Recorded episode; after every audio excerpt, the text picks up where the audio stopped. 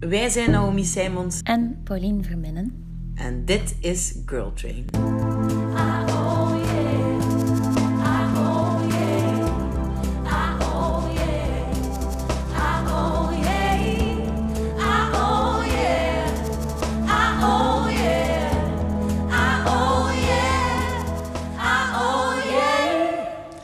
We zijn ondertussen beland aan onze derde aflevering van Girl Train. In deze aflevering gaan we het hebben over de visibility en representatie van zowel LGBTQIA als cis-hetero vrouwen. En dat specifiek in media, zowel voor als achter de schermen en hoe belangrijk dat wel is. We gaan dieper in op gender en beroep, zoals de gendering van sommige beroepen. Verder gaan we het ook hebben over social media, zowel de positieve als negatieve effecten daarvan, en over hoe social media soms onbewust onze bril kleurt, maar ook over hoe social media een tool kan zijn in activisme. We geven hiervoor graag het woord aan Sophie van Bouwel, Annemone Valke, Marieke Dermul en ook Samia Suis komt nog eens langs. Let's go. Ik ben Marieke Dermul. Ik noem mijzelf graag uh, storyteller in de ruime zin van het woord. Want wat ik eigenlijk doe, daar zit één grote rode draad in en dat is ehm, verhalen vertellen. Dat kan zijn journalistiek werk voor VRT, maar dat kan ook zijn het maken van langere reportages en documentaires. Of uh, het maken van theatervoorstellingen, uh, vaak docu-theatervoorstellingen. Ik ben Annemone Valke. ik ben uh, acteur al lang, al van mijn dertien. Onlangs deed ik een kortfilm en zei iemand tegen mij, um, een collega, zei tegen mij, ah maar jij bent ook activist. En dan verschoot ik wel wat. Omdat ik niet het gevoel heb dat ik een activist ben in de zin dat Greta Thunberg een activist is of dat Jamila Jamil een activist is.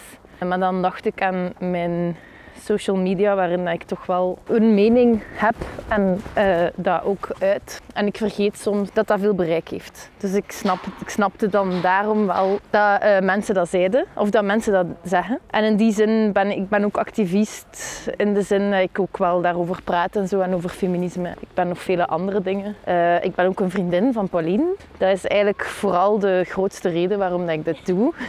en ook gewoon omdat ik het een heel interessant project vind ben heel benieuwd dat er uh, gaat uitkomen. En ik ben altijd heel erg fan van mensen in de artistieke, creatieve kronkelingen en in de uh, aspiraties en in de goesting om iets te doen en die daar dan ook in slagen om dat gewoon te doen. Ik, uh, ik, heb, ik heb soms ook veel ideeën en dan toch denk ik, maar dat is een soort van imposter syndrome, dat ik, dan denk ik, ah nee, ik ga dat niet kunnen super, super cool dat mensen dat doen. Ik ben Sophie, Sophie van Bouwel. Ik ben professor mediastudies. Dat wil zeggen dat ik uh, eigenlijk een wetenschapper ben. Maar ze zeggen dat niet zo gauw van sociale wetenschappers. Hè? Mhm. Maar dat zijn ook eigenlijk wetenschappers. Um, en ik ben vooral bezig met media. Um, eigenlijk vooral met visuele cultuur. Hè? Dus uh, beeldcultuur, manier hoe dat mannen en vrouwen, mannelijkheid en vrouwelijkheid verbeeld worden. Dat is eigenlijk een beetje mijn core business. Um, daar doe ik onderzoek naar, daar geef ik ook les over. Ik ben nu ook uh, vakgroepvoorzitter, dat is eigenlijk ja, een departementshoofd. Um, dat is meer een managersrol die ik nu opneem. Boeken schrijven, onderzoek doen, dat is mijn ding. Ook lesgeven, dat doe ik heel graag. Maar een, een grote groep van meer dan 100 mensen aansturen vind ik eigenlijk ook wel leuk. Dat had ik nooit gedacht.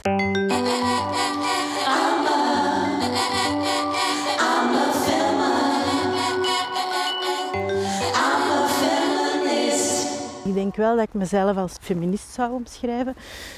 En wat grappig is, als je dat nu zegt tegen studenten, dan vinden ze dat niet meer, oeh, blijf weg zei ik dat vijf jaar geleden, dan keken ze mij aan en zeiden, oeh, dat is een heel radicale. Dat is echt een heel extreme. Ja. Terwijl dat is op, op denk op vijf jaar, dat is in ieder geval mijn ervaring, toch echt veranderd. Het engagement van jonge mensen, niet alleen vrouwen, zeker niet, is toch wel, dat is echt iets opvallend en daar ben ik heel blij mee. er, er gebeurt wel iets vandaag. Ehm, en dat is heel mooi om te zien. Wat denk ik voor mijn generatie soms, soms wat smalend kan overgedaan worden. Van ja, maar dat hebben we al eens allemaal gezien. Hè? Uh, wat natuurlijk voor een stuk zo is, maar dat is niet erg. Hè? Dat is ook goed. Ehm, dus ik, eh, ik denk dat we echt, los van nu die coronasituatie, um, los van, van polarisering in een samenleving, want dat, dat, zijn toch allemaal zeer uh, moeilijke zaken, denk ik is er ook wel echt, of leven we in een scharniertijd waar denk ik wel wat verandert als het gaat over gender. Hè. Dus ik denk, niet, allee, ik denk niet dat we een te roze bril moeten opzetten, zeker niet. Maar er gebeurt wel iets. En dat is, dat is super interessant en dat is, dat is boeiend. Hè. Ik ben ondertussen 30 geworden.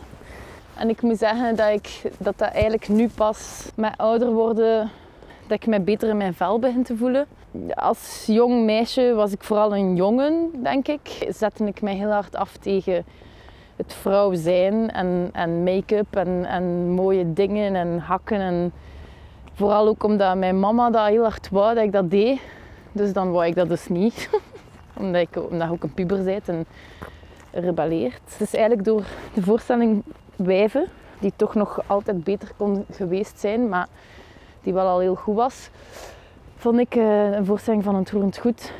Um, dat Alexander de Vriend, die dat regisseerde, ja, dat was een witte man die een nieuw feministisch pamflet ging regisseren. Maar ik vind wel dat hij daar heel dat hij daar wel in geslaagd is. In de zin dat hij heel uh, open en uh, als vragende partij in, uh, tijdens die repetitieperiode daar zat. Lag eigenlijk, want hij had een hernia. ja, op een gegeven moment vroeg hij zo aan iedereen om zo schoonheidsproducten op te schrijven. En lippenstift en schmink en zo. En de volgende dag kwam iedereen toe. En iedereen had zo lijsten. en ik had zo Hema lippenstift, rood, uh, paars en roze. En dat was het zo wat. En dan dacht ik, ah ja, hm, vrouw zijn is ook wel leuk, of ik kan dat ook wel omarmen of zo. En dan um, moet ik ook wel eerlijk toegeven dat uh, Beyoncé toen, toen was ik was 24 en Beyoncé had een haar tweede soloalbum, derde soloalbum gedropt, die gewoon Beyoncé heette, met uh, Flawless op. En die was het woord feminisme gewoon keihard aan het claimen, maar ondertussen ook wel fucking sexy aan het zijn. Maar die was haar eigen geilheid gewoon totaal aan het omarmen en minder zich aan het profileren als sekssymbool door via een male gaze, had ik het gevoel. Of dat was ik mij bewust van en dat heeft mij ook wel zelfzekerder doen voelen. En dan nu met zo ouder te zijn, ook uh, meer op social media actiever te zijn, de juiste, de juiste mensen te volgen die mij die zelfzekerheid geven. Fotoshoots te doen bij Muriel. Zijn allemaal dingen die mij wel hebben geholpen om mijn eh, vrouwelijkheid en mijn lichaam te omarmen. Maar ik voel wel dat ik niet, ik ben niet, ik voel ook wel dat mijn gender uh, fluïde is in de zin dat ik, ik vind vrouwen aantrekkelijk, ik vind mannen aantrekkelijk. En ik, ik ben een vrouw en ik omarm dat, maar ik kan ook, ik, ik kleed mij ook heel graag als jongetje met zo weinig mogelijk vorm. En dan is er een dag dat ik mij super graag uh, helemaal wil optutten en schminken en een push-up en dus ik speel heel hard met mijn, uiterlijke, mijn veruiterlijking van mijn gender. Ik denk dat het uitgangspunt um, altijd is als ik iets maak om nieuwe inzichten en nieuwe stemmen aan bod te laten komen. Um, om een voorbeeldje te geven. Ik maakte bijvoorbeeld een reportage voor de noodzaak van een Pride vorig jaar in mei, waarin ik veel verschillende stemmen van de LGBT-gemeenschap liet horen. Hiervoor had ik bijvoorbeeld Simla Nauws mening gevraagd. Um, Sam is trans en wordt vaak gevraagd omwille van uh, taboes rond gender en seksualiteit. Maar dan vind ik het ook um, interessant om Sam uh, soms te vragen uh, over andere thematieken, wat, wat hij ervan vindt. bijvoorbeeld voor VRT Nieuws moest ik een reportage maken over kerstavond en de eenzaamheid in coronatijd. En dan vind ik het ook super tof om andere vormen van kerstvieren, bijvoorbeeld kerstvieren met een chosen family of um, andere samenlevingsvormen aan bod te laten komen. Niet enkele traditionele gezin, ehm, die bijeenkomt en uh, pakjes uitdeelt. Of, of ja, het beeld dat wij kennen van kerstavond. Uh, anderzijds wordt er ook soms commentaar gegeven dat er in de media te veel expres de focus gelegd wordt op diversiteit. Um, maar ik denk dat dat iets is dat nu op dit moment wel noodzakelijk is. Dat we expres er werk van moeten maken om die vele stemmen aan bod te laten komen. Omdat, het gewoon, omdat er nog altijd een ongelijkheid is. Um, te veel dezelfde dominante stemmen um, hebben toegang tot de media. En daar proberen, denk ik, diverse kanalen werk van te maken om dat, om dat beter te krijgen. Maar het is nog, het is nog, we zijn er nog niet. Dus nu is het nog nodig om ja, daar extra werk van te maken, als je het mij vraagt. En als je dan kijkt naar de geschiedenis, ja, een van die redenen waarom dat, dat belangrijk is, heeft natuurlijk te maken met het behouden van, van machtsstructuren en status quo. En als het dan gaat over genderspecifiek, ja, dan ja. gaat het over één dominante groep, hè, wat we dan hegemonisch noemen, en een andere groep die ja, toch wel meer in bepaalde gelimiteerde rollen wordt gedrukt. Uh, die niet als gelijkwaardig wordt gezien. Hè. Het is helemaal nog niet zo lang geleden in de geschiedenis dat vrouwen stemrecht hebben gekregen. Hè. Zeker in België. Hè. We waren daar vrij laat. Hè. Als je kijkt naar de andere landen. Wat interessant is nu, is dat heel veel jonge vrouwen, neem nu tien jaar geleden, hadden, hadden vaak het, het, het perspectief of, of de idee ja, maar we hebben dat stemrecht. We, hebben, we mogen wij een job, eender welke job uitoefenen. Hier in België dan. Ik mag studeren. Ik heb toegang tot onderwijs, tot gezondheidszorg, tot, tot alles. En nu zeggen heel veel jonge vrouwen, ja, maar ja, we zien toch dat dat niet helemaal hetzelfde is. En, en ja, opnieuw, studies wijzen uit en er is evidentie dat er nog altijd een loonkloof is, dat er nog altijd geen gelijk loon voor gelijk werk is. Um, dat de beelden die we aangereikt krijgen van wat je kan zijn, is gelimiteerd. Hè. Ook voor mannen. Hè. Mannen in het onderwijs, dat is een beeld dat er vroeger wel was, maar nu zien we niet veel leerkrachten hè, die, die man zijn bijvoorbeeld. En dat hangt samen met de status, jammer genoeg, van dat beroep. dat is heel gek hoe dat, dat dan samenhangt met de status. Bij het ontstaan van echt een industrie in Hollywood waren er heel veel vrouwen die daar werkten.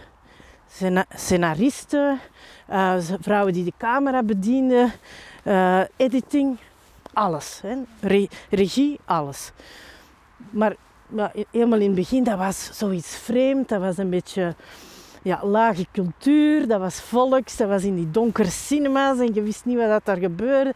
Dat was geen hoge cultuur, dat was zeker geen kunst. Laag status. Die industrie begint zich te ontwikkelen, die standaardiseert, die, um, ja, die, die wordt professioneler. En veel meer mannen komen in die industrie en die duwen eigenlijk, dat is niet bewust, hè, maar die duwen die vrouwen eruit en de status gaat naar boven. Dat is heel bizar. En dat is een mechanisme dat je als je... Je zou het eigenlijk eens moeten bekijken of dat, dat voor andere beroepen ook niet voor een deel zo is.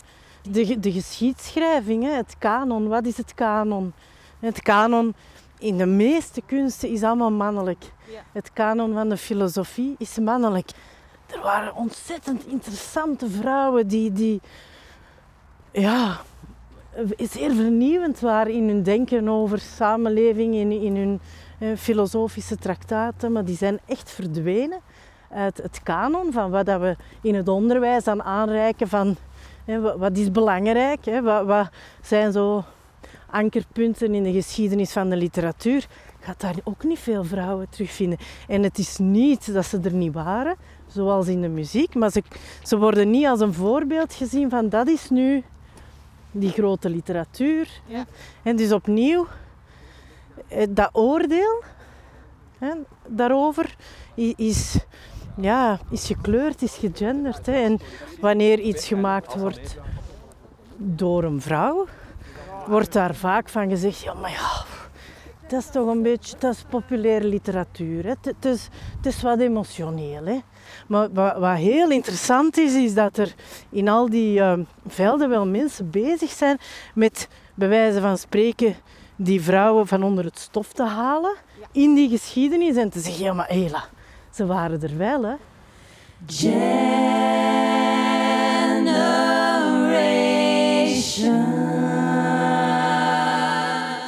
Vorige week heb ik uh, Marianne Lens ontdekt.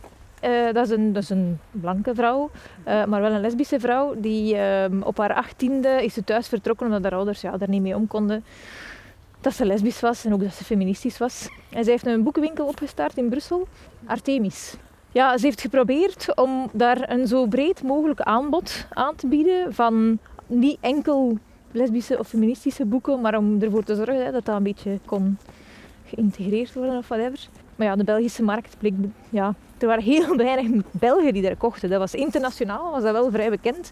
En tot op vandaag zijn er nog altijd Amerikaanse vrouwen die sturen van... Allee, bestaat dat niet meer? Want ik heb daar boeken gevonden dat ik nog nooit elders had gevonden. In Brussel heeft hij een bedrijfje dat noemt L-Tours. En dat zijn tochten door de stad waar ze u meenemen naar plekken waar dat... Ja, wat was nu? Een foto van ja, twee vrouwen hand in hand of weet ik veel. Waar, waar dat echt zo de queer history naar boven komt in de stad. Dus echt puur daarop gericht, wat dat, wat dat cool is. Um, Suzanne Daniel ook. Uh, daar is een brug ook naar vernoemd.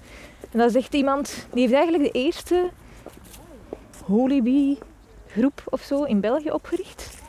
Um, maar dat heeft eigenlijk, ja, is dat dan beginnen mislopen door een man, uh, een, een homoman. Um, en daarna was, ze zo, was het zo beu om, om ja, was eigenlijk geen activist meer zijn. Nu is eigenlijk volledig in de achtergrond getreden, terwijl ze eigenlijk heel activistisch was. Maar dat zoiets van, ja, ik zie het gewoon niet zitten om tegen die mannen hier... Er is gewoon, kan niet luid genoeg roepen ten opzichte van de mannen die naast mij staan te roepen. Wij waren als lesbiennes niet altijd welkom ook in de feministische of in de vrouwengroepen. Omdat ze zoiets hadden van, ja, butch fem, jullie proberen te conformeren aan de heteronormativiteit. Dus niet welkom hier. Uh, want wij zijn daar tegen. En dat is niet waarover het gaat met feminisme. Dus dat klopt niet. Dat, dat lees ik heel veel. Dat, je zo, dat er een enorme versnippering is in, binnen vrouwen. Allee, of dat ze nu lesbisch zijn, of hetero, of trans, whatever. Maar dat er gewoon een gigantische versnippering is. En dat je gewoon als vrouw... Het is daarom dat ik sisterhood als term wat moeilijk vind. Omdat alles dat ik de laatste tijd over lees, is zo... Dat we toch proberen nog onder elkaar ook te zeggen van ja, jij niet, want jij bent zo en jij staat daarvoor en wij proberen toch iets anders te doen. En ja, jij bent geen vrouw. Hey, dat, dat, dat, lees ik heel fel en daar word ik wel, ik vind dat super droef. ik geloof heel sterk in dingen die elkaar versterken. Um, ook als het gaat over racisme en zo, je zou op een duur voor minder een keer uitschieten als er iemand iets racistisch zegt tegen u. Je kan daar perfect in komen. Natuurlijk. En dat is hetzelfde in, in, in de hele vrouwenbeweging. Als er iemand de hele tijd zegt tegen u, jij bent geen vrouw of jij bent geen feminist, ja, dan ga je op een bepaald moment ook gewoon anders beginnen gedragen. Omdat je denkt van, oké, ja, je denkt het toch al, dus ik ga het dan doen.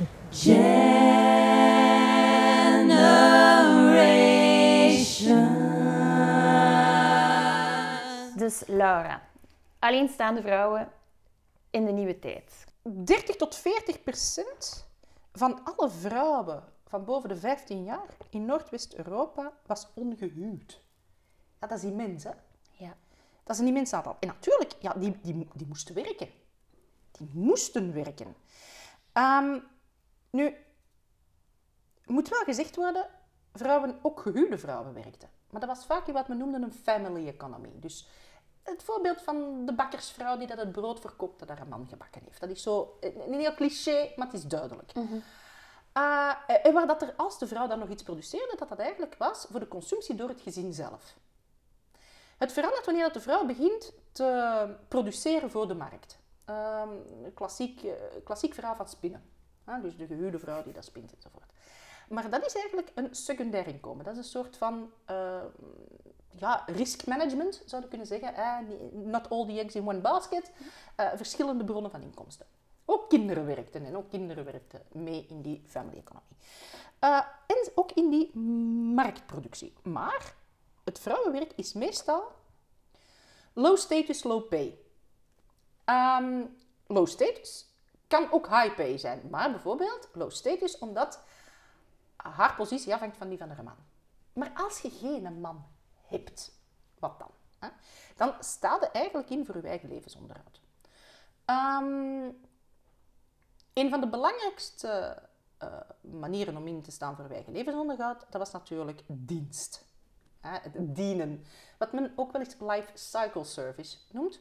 Dus vrouwen gingen tussen het verlaten van hun ouderlijk huis, als jonge tieners meestal, soms zelfs zo jong als 9 jaar, Ja. En hun huwelijk, zoals ik al heb gezegd, pas op 23 gemiddeld, gingen ze eigenlijk hun uitzet bijeensparen. ja. En hoe gingen ze dat doen? Door te dienen bij de familie. Eh, bijvoorbeeld mijn eigen grootmoeder heeft dat nog gedaan. Mijn 16 jaar. grootmoeder ook, 14 jaar. Ja. Voilà. Dus dat, dat is iets, dat, is, dat heeft eeuwenlang, was dat het systeem, zowel op het platteland als in de stad. Ja, dus dienen. Mannen en vrouwen die dat dan, dan niet trouwen. Wat zijn hun mogelijkheden? Ofwel is het lifelong service, hè, zoals dat wel eens wordt genoemd. Maar er zijn ook een heleboel andere hè, beroepen die dat ze dan gaan uitvoeren. Vaak ehm, vanaf 19e eeuw textiel. Textielgebonden beroepen. Hè. Kantklossen, eh, spinnen, weven enzovoort enzovoort.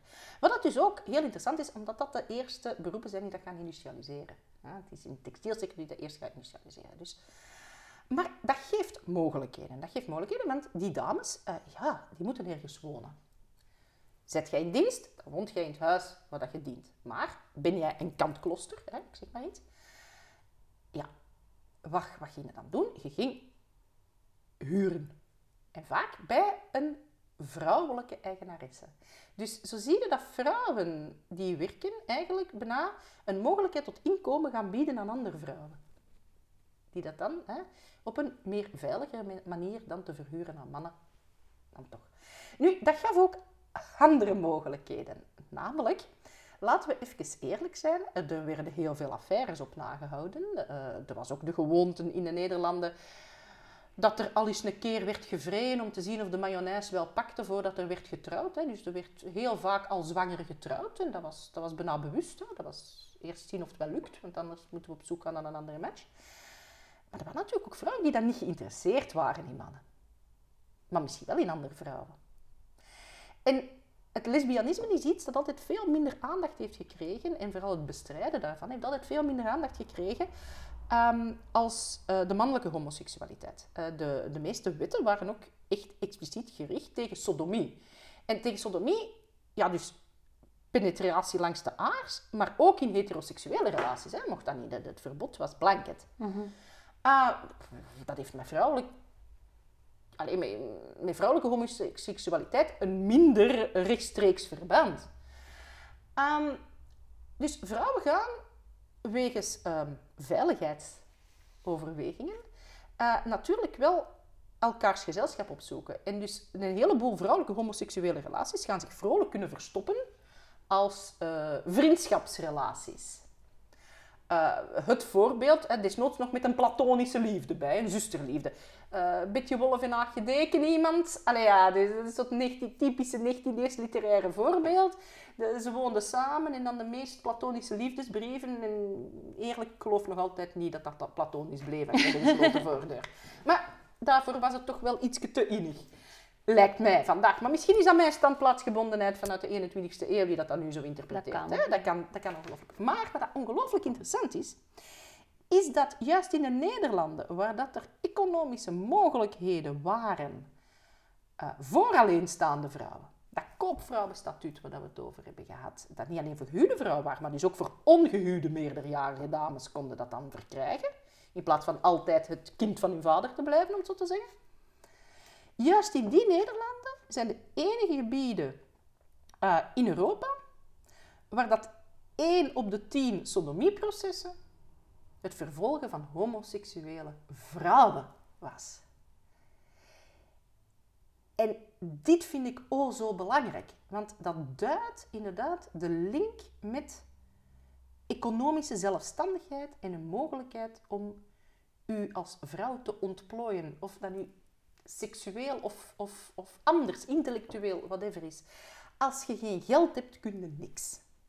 Maar omdat er de mogelijkheden waren voor vrouwen om hun leven lang ongehuwd te blijven, er was werk, specifiek voor vrouwen. Oké, low status, low pay, maar je kon je eigen onderhouden. was die absolute druk van je moet trouwen. Gewoon om een dak boven je hoofd te hebben. Er niet, waardoor dat er altijd mogelijkheid tot homoseksuele relaties komt. Ja. Zichtbare. Zichtbare. En daardoor dus ook vervolgde. Dus dat lijkt me toch wel een belangrijke ook.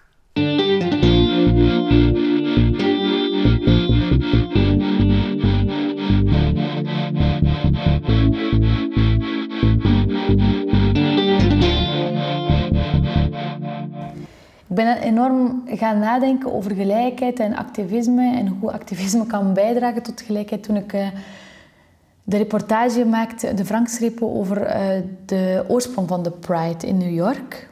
Want daar eh, zie je eigenlijk dat die verschillende groepen binnen de LGBT-gemeenschap, ja, dat daar toch wel veel frictie tussen zit ook. Tussen bijvoorbeeld, om het cru te zeggen, de witte homoman en de transpersonen van kleur. Ja, als je kijkt, 50 jaar geleden stonden Marsha P. Johnson en Sylvia Rivera op de barricades om die rechten voor holibies en transgenders um, te bewerkstelligen.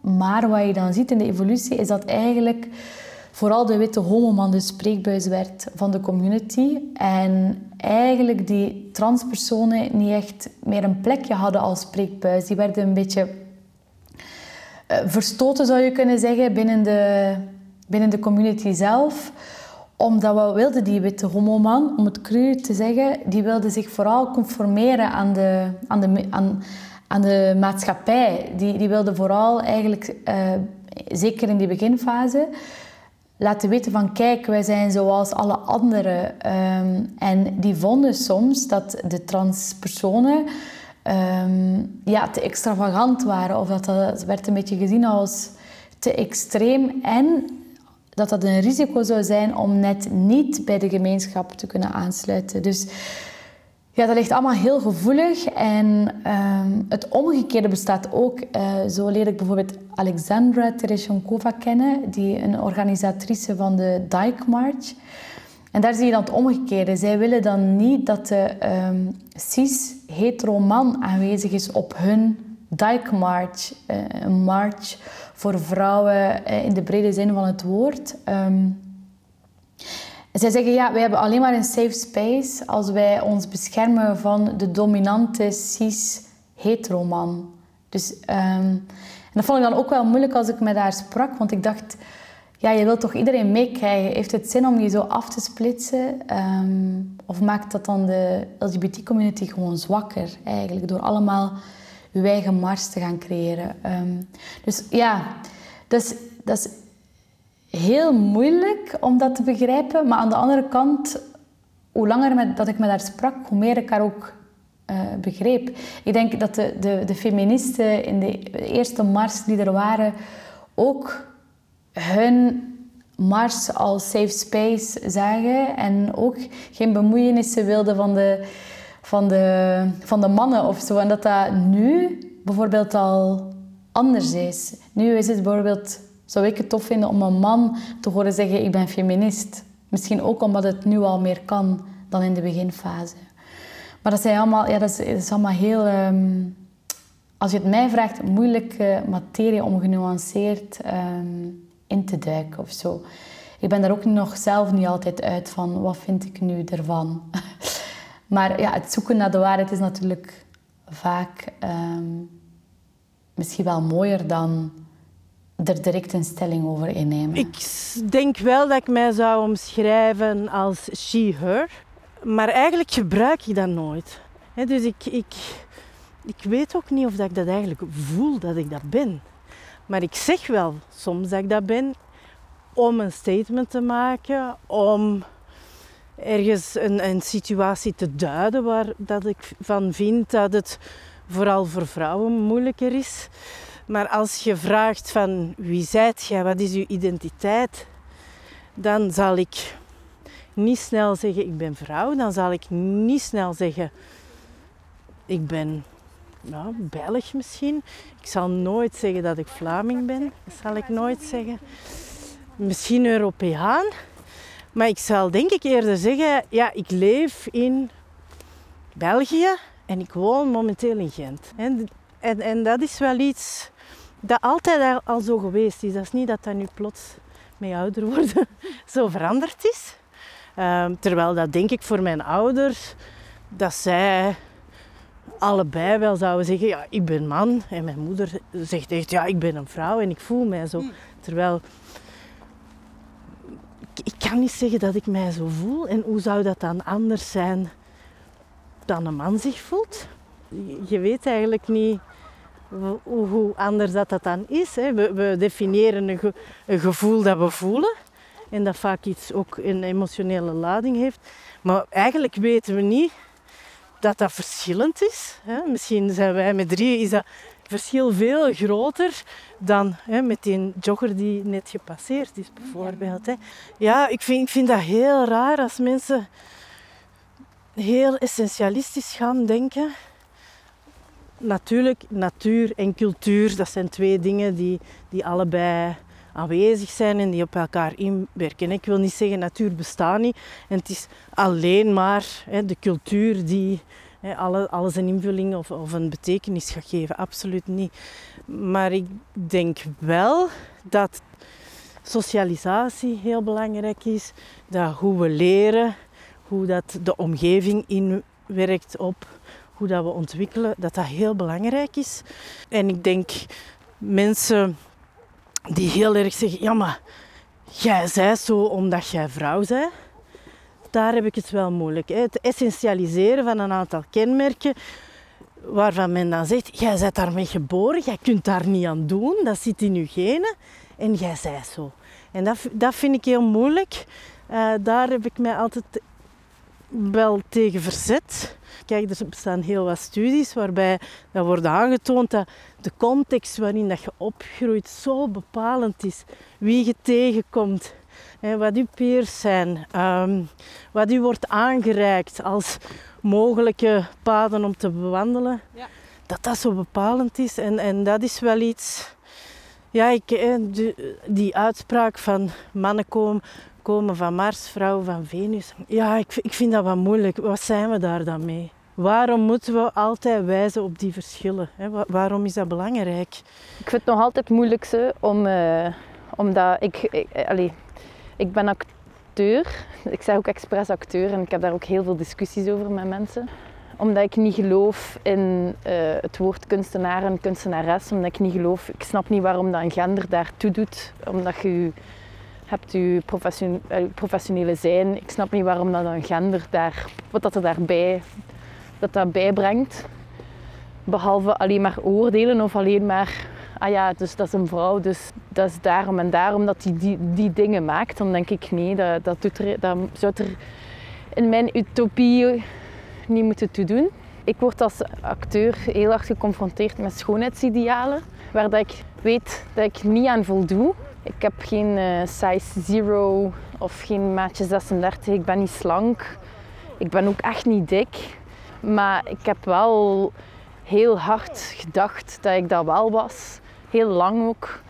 Omdat de vrouwen dan, of de mensen met wie dat ik in competitie moet gaan als het gaat over een rol, zijn wel vaak vrouwen die dan gekozen worden die, die slanker zijn dan mij of die eh, een gavere huid hebben dan mij of iets. Niet zo'n karakterkop hebben, of karakterkop snap ik wel nog. En dan denk ik heel snel van zo, ah shit, ik ben ben te dik, ik ben te lelijk, ik moet, eh, mijn, lichaam, eh, mijn lichaam is mijn tool, mijn medium als acteur en dat is ook zo, maar ik wil dat ook omarmen, ik wil daar niet streng voor zijn, ik wil kunnen sporten op een, alleen omdat ik mij goed voel en daarna een stuk chocolade eten en niet super streng zijn voor mezelf. En, maar dat is een heel, dat is, ik, voel, ik zit daar nu nog altijd kei hard in. En Met het schrijven van mijn eigen serie en zo zijn er ook wel wat dingen naar boven gekomen dat ik niet door had. Eh, ik ben heel goed aan, en dat is het heftige aan eh, seksistisch eh, seksisme, is dat je dat internaliseert. Eh, en als je je daar niet bewust van bent, dan zie je dat niet als een probleem. Of als je dat niet benoemt. En ik ben dat ook nog niet zo lang aan het benoemen. Als in, dat is op mijn 24 met het maken van wijven is dat opeens doorgedrongen van zo, ah wow, ah oké, daarom voelde ik, ik mij niet zo goed op mijn gemak. Ah ja, oké, dat is dat, dat is dat. En dat is op zich nog maar zes jaar geleden. Iedereen zit zo meer en meer in zijn bubbel, ook gewoon doordat ja, de algoritmes erop voorzien zijn. Dat als je bepaalde vrienden hebt en je volgt bepaalde dingen, dat je ook alleen maar dingen van die strekking nog te zien krijgt. Wat dan natuurlijk heel toxisch is, hè, want wij hebben het gevoel, ik heb het gevoel soms, ik probeer met zoveel mogelijk ervan bewust te zijn dat dat niet zo is, maar dat iedereen wel minder en minder homofoob en racistisch wordt, terwijl dat net het tegendeel waar is. Maar dat zou je denken als je daar niet van bewust bent. Net zoals dat andere mensen denken van oh ja, er zijn meer en meer mensen die het niet oké vinden dat de rol van man en vrouw aan het evolueren is, deutant. Dus iedereen zit meer en meer in dat. En daardoor word je ook minder ontvankelijk, hè, omdat je denkt van iedereen zit wel op dezelfde lijn als ik. Ehm, en dat is wel gevaarlijk. Maar ik denk sowieso, de keer dat je buiten komt en dat je in een bedrijf stapt, dat je wel direct ziet van oké, alles dat girlboss en de female lead zeggen, we zijn er nog niet, er is nog wel werk. Dus dat is sowieso één. Maar daarnaast, ja, gewoon ook door dat elke dag denk ik wel van, allee, wat voor een geprivilegeerd leven heb je niet. Ik ben me daar gewoon enorm, enorm van bewust. Ik ben blank. Ben, oké, ik ben een vrouw, maar ik heb alle kansen dat ik maar zou willen kunnen hebben. Ik ben rijk, ik woon in een rijke stad. Ehm, ja, je kunt gewoon, je weet, dat is gewoon niet de wereld. Um, en ik heb wel het geluk, mijn ouders, we hebben veel gereisd samen. Mijn mama werkte vroeger bij Sabena en dat is eigenlijk zo begonnen. We konden ja, heel goedkoop reizen doen. En dat is blijven hangen. Dus wij zijn als kind, dat is begonnen toen ik in zesde leerjaar zat, ook opnieuw zeer geprivilegeerd uiteraard. Maar we zijn van heel jonge leeftijd naar heel arme landen beginnen te gaan.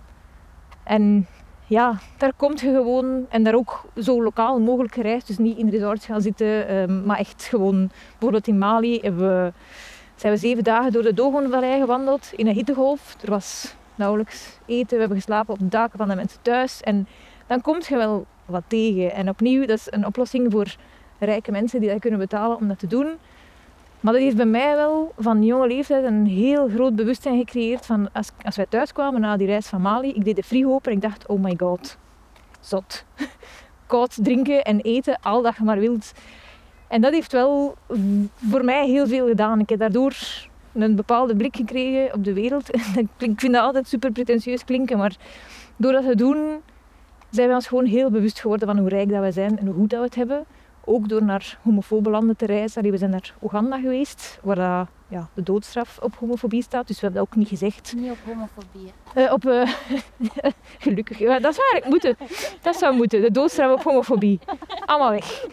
Opgelost. Probleem weg. Dus ja, dan, dan, dan weet je gewoon, je komt toe in een land en als ze vragen, are you married? En je moet zeggen, yes, my husband is at home. Ja, dan, dan leer je wel dat er buiten je wereld nog iets is. Dus dat, gewoon omdat ik het immense geluk heb gehad om dat te doen met mijn ouders. Ehm, en ik lees ook graag en zoveel mogelijk. En ik moet opletten dat ik niet alleen maar lees wat ik wil lezen. Uh, en af en toe een keer een artikel of een boek dat eigenlijk echt rechtstreeks ingaat tegen wat je eigenlijk diep van binnen voelt dat voor je juist is. Ik zie veel mensen het leven leiden dat mijn ouders hebben. En dat is oké, dat is perfect oké. Maar dan zit je wel nog extra in een bubbel. En allee, er is niks mis. Wij gaan ook in een nieuw huis gaan wonen, in een wijk. Je wereld wordt kleiner. Dat is zo. Maar ik, ik, wat ik heel hard ga proberen is me daar tegen te verzetten. En om gewoon ervoor te zorgen dat je nog altijd die wijdere blik hebt. En ik denk dat heel veel mensen dat niet doen. En dat ze zoiets hebben van, er is toch geen probleem. Ja, natuurlijk is er geen probleem daar die hele brute reacties is toch iets wat we...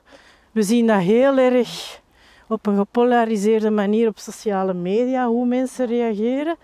Maar ik vind, of dat is mijn hele persoonlijke ervaring, in omgang met mensen, en zeker in de professionele context waarin ik zit, is dat voor een stukje minder.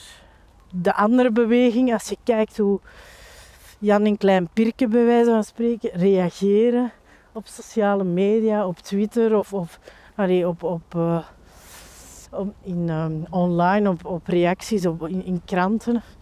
Um, alleen print uh, nieuwsmedia, dat, dat is verschrikkelijk. Hè? Dat is ook de reden waarom dat ik eigenlijk niet op Twitter zit, omdat ik, ik kan dat niet... Dat is iets waar dat ik heel moeilijk mee om kan.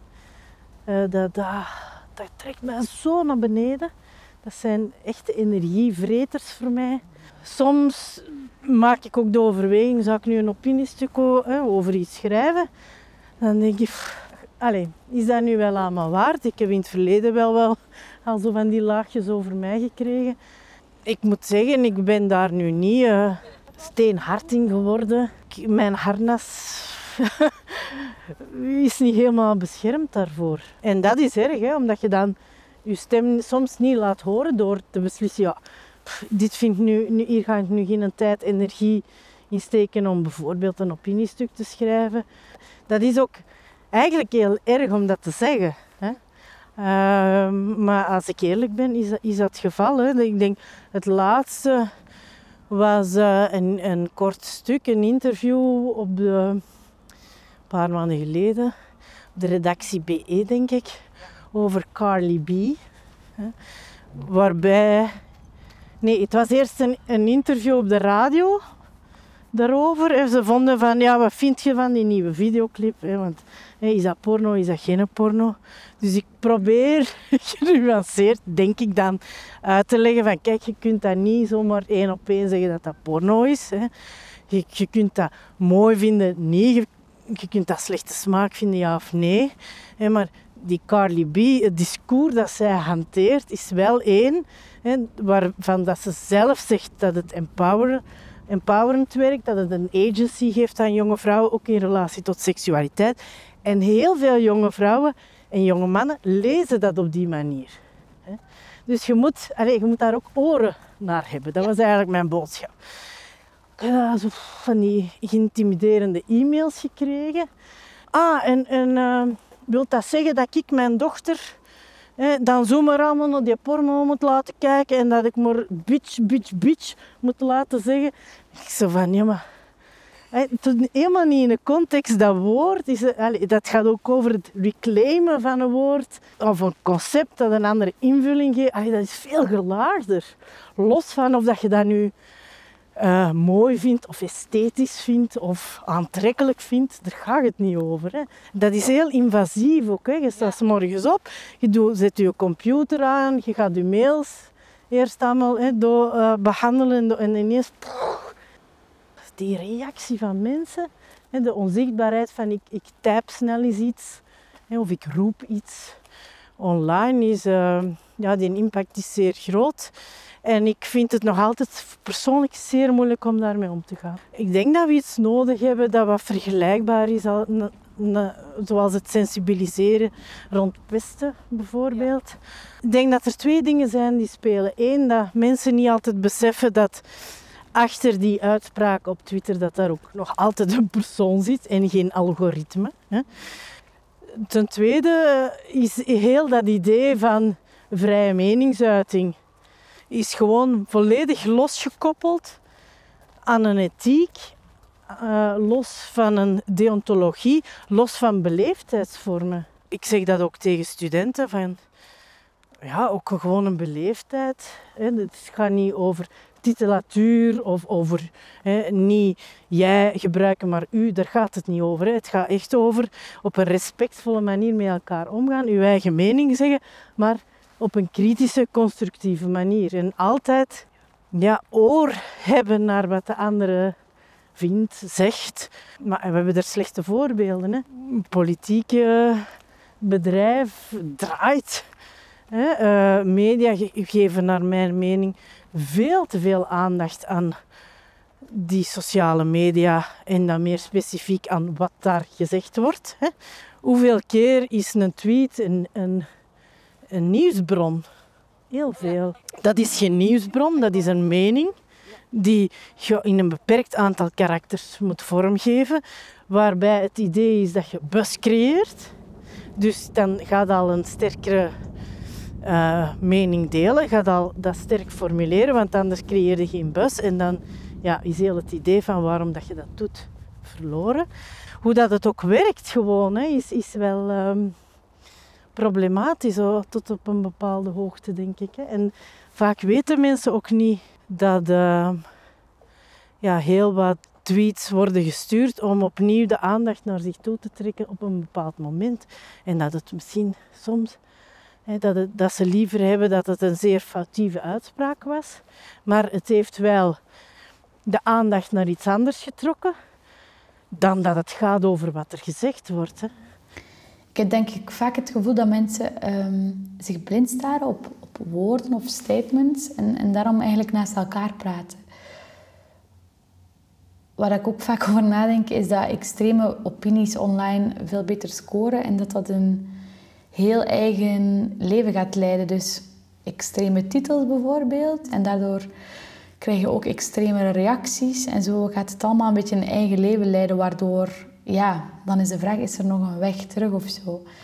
Ehm, soms zou ik zin hebben als reportagemaker om bij een post dat viraal gaat en dat superveel extreme reacties uitlokt, eh, de volgende dag die mensen live te contacteren en daar dan reportages over te maken. Ehm, ik vraag me dan af of die mensen de volgende dag al niet wat genuanceerder zouden zijn. Want misschien was die persoon gisteren in zijn eigen bubbel heel kwaad of niet meer zo nuchter wanneer dat hij dat schreef. En met een nachtje over nadenken en, en, en vraag-antwoord en een langer gesprek erover, wordt alles vanzelf misschien al wat genuanceerder of zo. Ehm, ik zou zo'n onderzoek graag doen, om, omdat ik denk dat het zou kunnen bijdragen tot het bewustzijn ehm, van een soort vreemde tendens waarin dat we ons allemaal bevinden. Dan denk ik ook aan die documentaire The Social Dilemma. Uh, die, die logaritmes en het feit dat, dat je eigenlijk meer en meer berichten ziet op je feed die overeenkomen met de mening dat jij al hebt dat dat sowieso al tot een polarisering leidt en misschien ook wel bijdraagt tot populisme. Um, ja, soms lig ik daar wel wakker van. Want als je dan denkt, hoe moet je in godsnaam meer gelijkheid creëren als, als je moet opboksen tegen zo'n stroom van polarisering? Het werkt elkaar eerder tegen. Soms denk ik wel dat mensen uh, huiverig zijn om uit de kast te komen of voor een mening uit te komen, omdat ze dan achteraf misschien heel snel in een bepaald hokje geplaatst worden. Ik ben bijvoorbeeld uh, samen met een vrouw al meer dan drie jaar ondertussen. En soms besluit mij ook het gevoel dat andere mensen kunnen denken dat ik gevraagd word door onder andere VRT of uh, andere productiehuizen bijvoorbeeld, omdat ik met mijn verhalen bijdraag aan, aan diversiteit en inclusiviteit. Maar dat is natuurlijk niet zo. Mensen vragen mij voor mijn talent, maar toch, ja. Daarom zeg ik soms liever dat ik op personen val, omdat dat een hokje is die nog niet zo, hoe zeg je dat, gedefinieerd is of zo. Daar hangt niet per se al veel aan vast.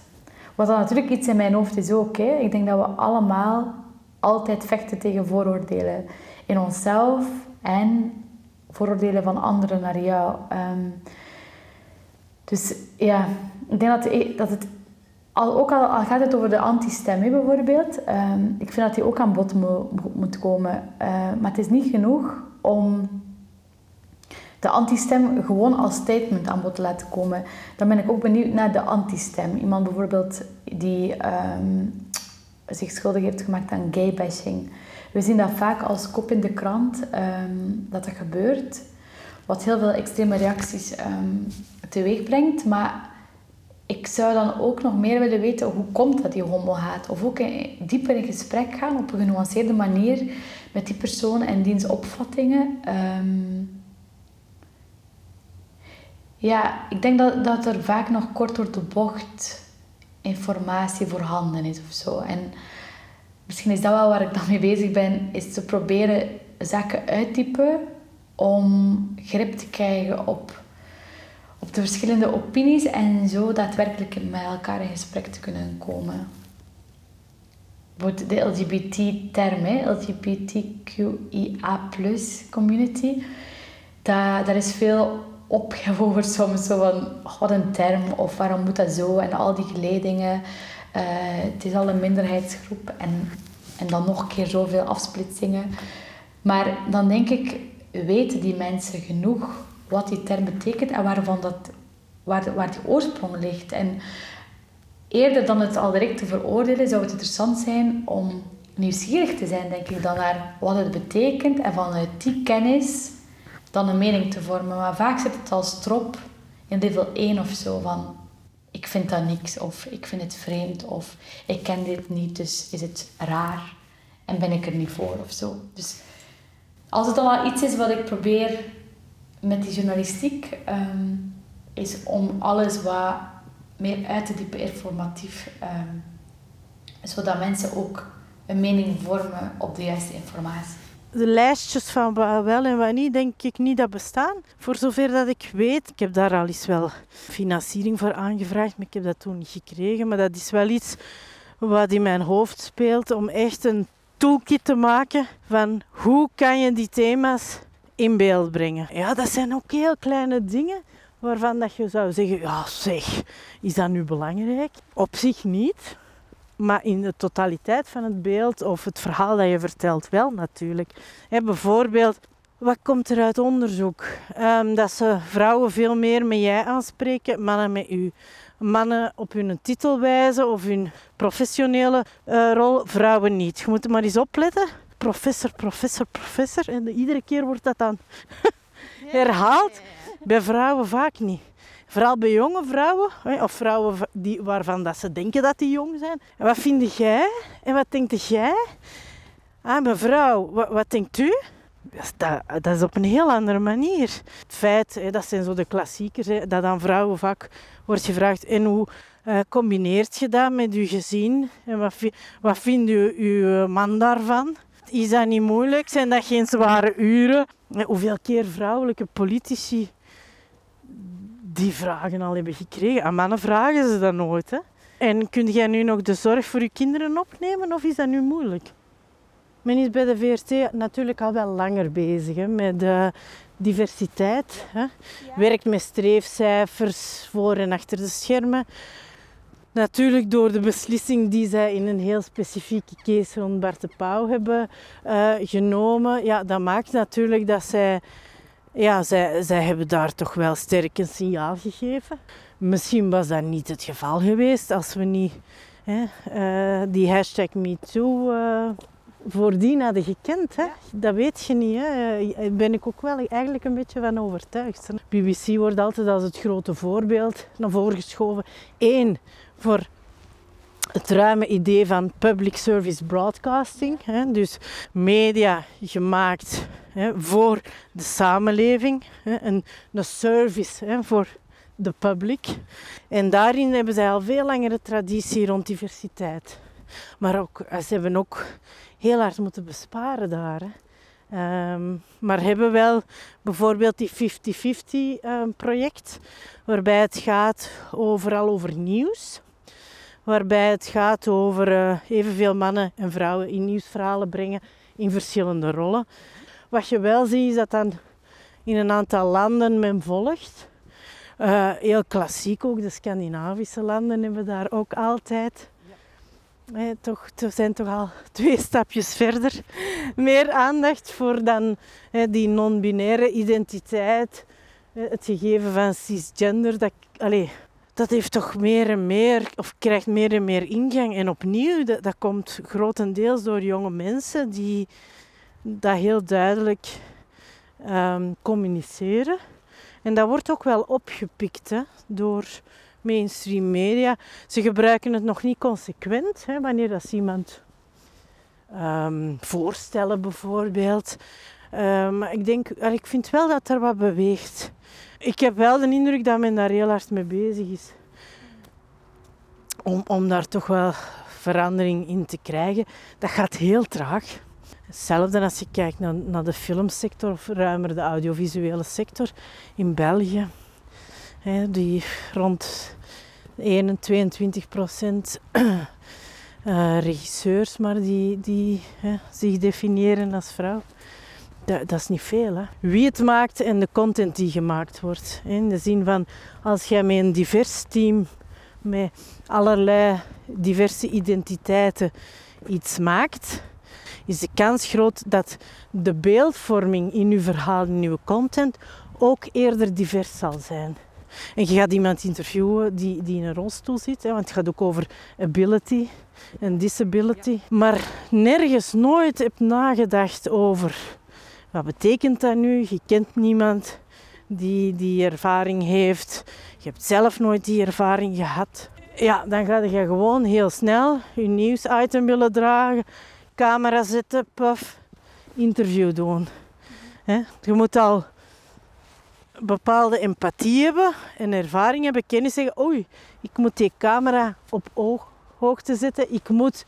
En dus de, de journalist of de reporter hè, moet op dezelfde hoogte.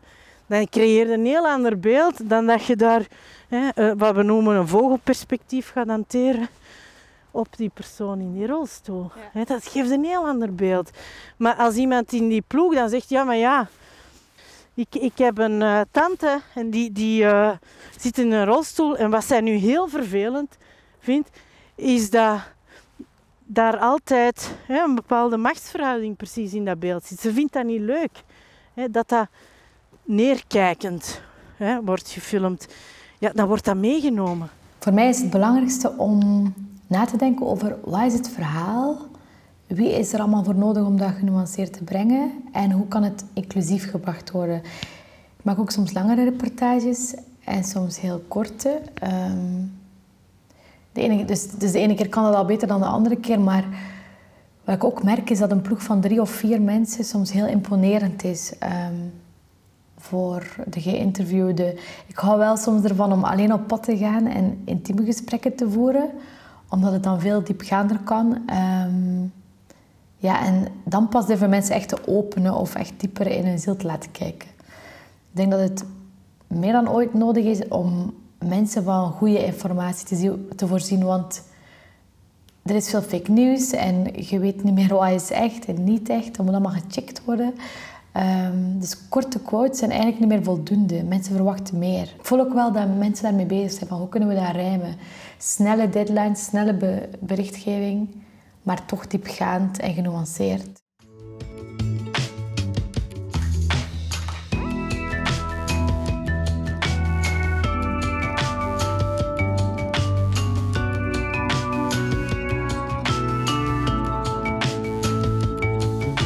Ik wel voel als actrice dan, dat de rollen die ik speel zo geënt zijn op mijn gender.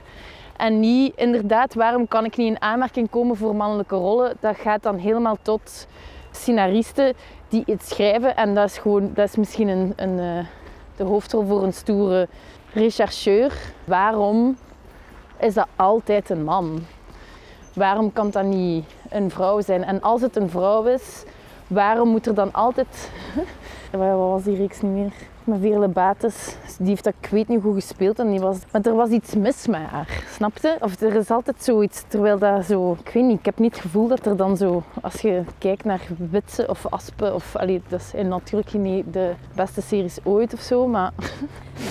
ja, ze is hard. Daarom. Om daar moeder haar kapot heeft gemaakt. Ik heb het gevoel dat dat minder is bij, bij mannenrollen. Ah, die is hard gewoon omdat dat is een man. Mannen zijn hard, dat is gewoon zo. Dus in die zin, ja, ik zou in aanmerking, aanmerking moeten komen voor mannelijke rollen. Omdat ik vind dat scenaristen nog te veel denken in stereotypen. In mannen en vrouwen, vrouwelijke stereotypen. Ik heb ook gewoon al veel dingen gezien. Gelijk Killing Eve is gewoon een prachtige reeks van een, een, eh, een detectieve en een seriemoordenaar die verliefd worden op elkaar. Een soort van platonische liefdes, liefdesrelatie hebben. Dat zijn twee vrouwen. En die kunnen dat perfect spelen. En er, is niet, er wordt niet gezegd, pas in seizoen 2 of zo, wordt er gezegd waarom dat de seriemoordenaar een psychopaat is, een klein beetje. Van die detectieven, ja, dat is gewoon, de, het is gewoon heel simpel. Allee, er is geen grote background waarom, dat zij, de, waarom dat zij verliefd wordt op een psychopaat. Of waarom, allee, dat, is gewoon, dat is gewoon deel van het verhaal of zo. Ja, en als je kijkt naar, naar uh, Borgen, als je kijkt naar The Killing, heb ik wel het gevoel dat wij daar wel echt iets van uit kunnen leren of zo. Wij denken dat wij er al zijn, maar dat is echt niet zo. Als je een serie schrijft over vrouwen, laat dat dan schrijven door vrouwen. En schrijf niet als vaak, sorry, witte man, een serie over vrouwen. Hij weet het niet. Ja. Hebt geen idee. Of betrek er een vrouw bij, net zoals, net zoals als je een serie gaat schrijven uh, met in de hoofdrol uh, iemand van andere origine. Betrek dan iemand daarbij in, in, uw, in uw proces. Net zoals dat ik, als ik uh, ooit beslis om een film te schrijven met een witte man in de hoofdrol, ga ik ook wel eh, logisch, allee, logischerwijs die mensen daarbij betrekken, want ik weet dat niet. Ik ben geen witte man, ik heb geen idee. Anne Plus. Dat is een Nederlandse serie over, eh, over een lesbisch meisje eh, in Amsterdam. Ze is 25, allee, ze begint als ze nog studeert. En dat vind ik best een goed voorbeeld. Want oké, ze is lesbisch, maar dat is niet center stage in dat verhaal. Ze is ook gewoon lesbisch, er zijn ook geen problemen, er gaat niemand dood, whatever. Dus dat, en er is ook heel veel diversiteit in dat programma op alle vlakken. Er is ook een, een heterokoppel, uiteraard. Eh, en die man verdient uiteraard meer dan, dan zijn vriendin. En daar wordt ook op aangesproken. Ik was wel aangenaam verrast van die serie. Ik kende ze niet, we hebben ze recent leren kennen. Ehm, dus dat vond ik wel, zeker voor jongeren dan, een heel goed voorbeeld. Want ja, ik denk een bepaalde generatie gaat misschien nog moeilijk zijn om die echt te overtuigen. Als je dat al als, als jongere kunt zien, dan weet ik voor mezelf, zou dat veel geholpen hebben. Moest ik dat als 16-jarige gezien hebben, dan zou ik wel zoiets hebben van, ah ja, oké, zo kan het ook. Ik wist vrij snel dat ik op vrouwen viel. Ik heb daar voor mezelf niet echt mee geworsteld. Ik heb meer geworsteld met dat te externaliseren, uiteraard. Wat dat je dan gewoon doet, is je projecteert hoe dat je je leven zou willen zien op een hetero-serie en je beeldt je gewoon in dat dat twee vrouwen zijn. Dus ik heb ook een zeer rijke verbeelding. Dat helpt. dat helpt wel. Eh, maar het is nu pas nu dat ik ouder ben en nu dat ik dat soort programma's, programma's ontdek, dat ik denk van, goh, dat is eigenlijk wel gewoon tof geweest. Gewoon, niet omdat ik daar voor mezelf moeite mee had, maar gewoon omdat ik weet dat de mensen rond mij niet gewoon zijn van dat te zien, omdat die ook uiteraard niet in mijn hoofd zitten, gelukkig. Maar moest dat gewoon deel zijn van alles dat, dat ja, ouders, vrienden, familie, leerkrachten, iedereen ook ziet. Vooral voor hun ook. Dus niet per se enkel voor mezelf. Maar uiteraard, een keer dat je eh 19 bent en de wordt, denk je van, ah ja, oké, waar, waar ben jij geweest de, de laatste vijf jaar? En dat is dan ook op sommige vlakken nog cringy eh, representatie. Dus vooral in hindsight, dat ik denk van, dat het eigenlijk wel cool geweest is dat dat toen al had bestaan. En dat ook ja, mijn familie en mijn vrienden dat gezien zouden hebben. De lesbische personages die ik heb gespeeld, was de, de lesbische toevoeging was zo miniem. Ja. Allee, in de zin, miniem, ja, nee, in Beverham eh, ben ik gewoon het lief van. Ja. En dat is gewoon op een ehm, vrij nobele manier of zo. Och, ja, nobel. Maar ik snap wel als het gaat over die befaamde seks in La Vida Del. En het klopt, er is gewoon een supergroot verschil met een film like La Vida Del dat daarover gaat. Ja.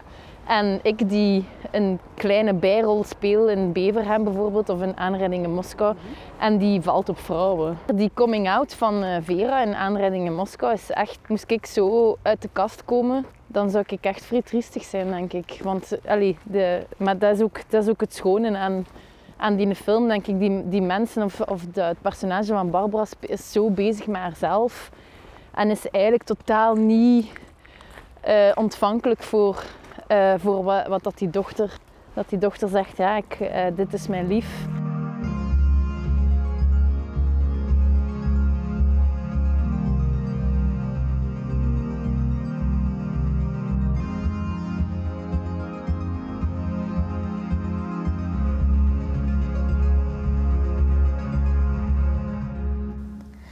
De werken van Lieve Blankaert, dat vind ik echt fantastisch. Zij is fotografe, maar vanuit haar passie maakt ze ook reportages en series. Zij is, zij is open, ze is niet subjectief. Ze is wel taboe doorbrekend en ze stelt zichzelf altijd opnieuw in vraag en neemt dat mee in haar proces. Eh, Ze stapt er precies opnieuw in alsof ze nog niks weet. En dat vind ik heel mooi, zeker als je al jaren ervaring hebt. Ehm, dat is denk ik ook mijn leidraad, om altijd opnieuw er open in te stappen of zo. Ja.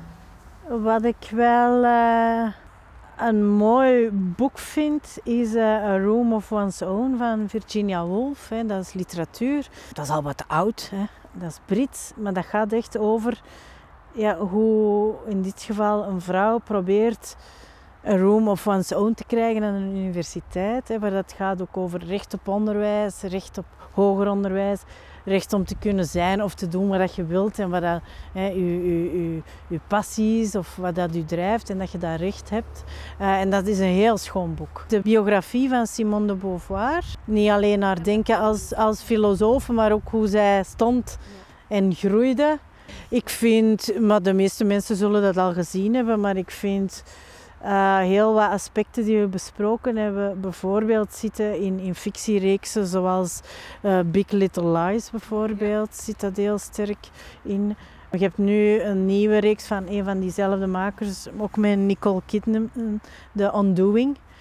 Dat, dat, dat is subtieler, hè? dat is niet de, de, dat gaat niet over de grote uitspraken of de, of de grote thematiek, maar het, zeker in uh, Big Little Lies zit dat wel heel mooi verweven van ja, hoe mensen in bepaalde situaties komen en hoe dat die ook nog altijd gegenderd zijn en hoe dat ze ja, in rollen hè, komen, vaak in ja, verschrikkelijke situaties belanden, in, relationeel en, en de moeilijkheid om zich daaruit los te trekken.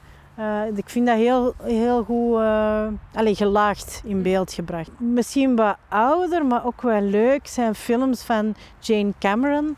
En bijvoorbeeld in, uh, de film Angel at, My Table. En dat, dat, is, dat is al een oudere film, maar dat gaat over een vrouw die, die wat vreemd is, maar die toch een eigen weg zoekt. dat is ook heel mooi. Er is, er is zo'n hele mooie scène in waar ze stiekem bonbons uit een bonbondoos neemt en, en het genot dat ze daaruit put en, en dan zo ja, de papiertjes gaat terugleggen alsof dat ze er niet is aan geweest.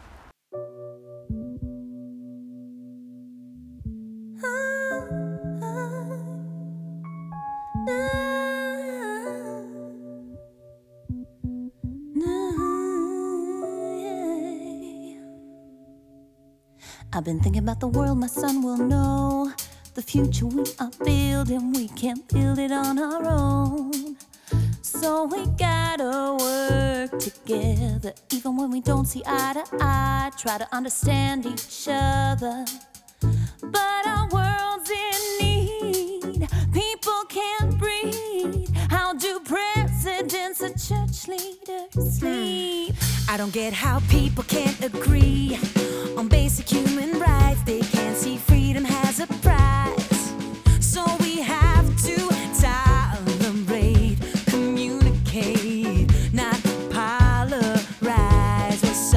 care.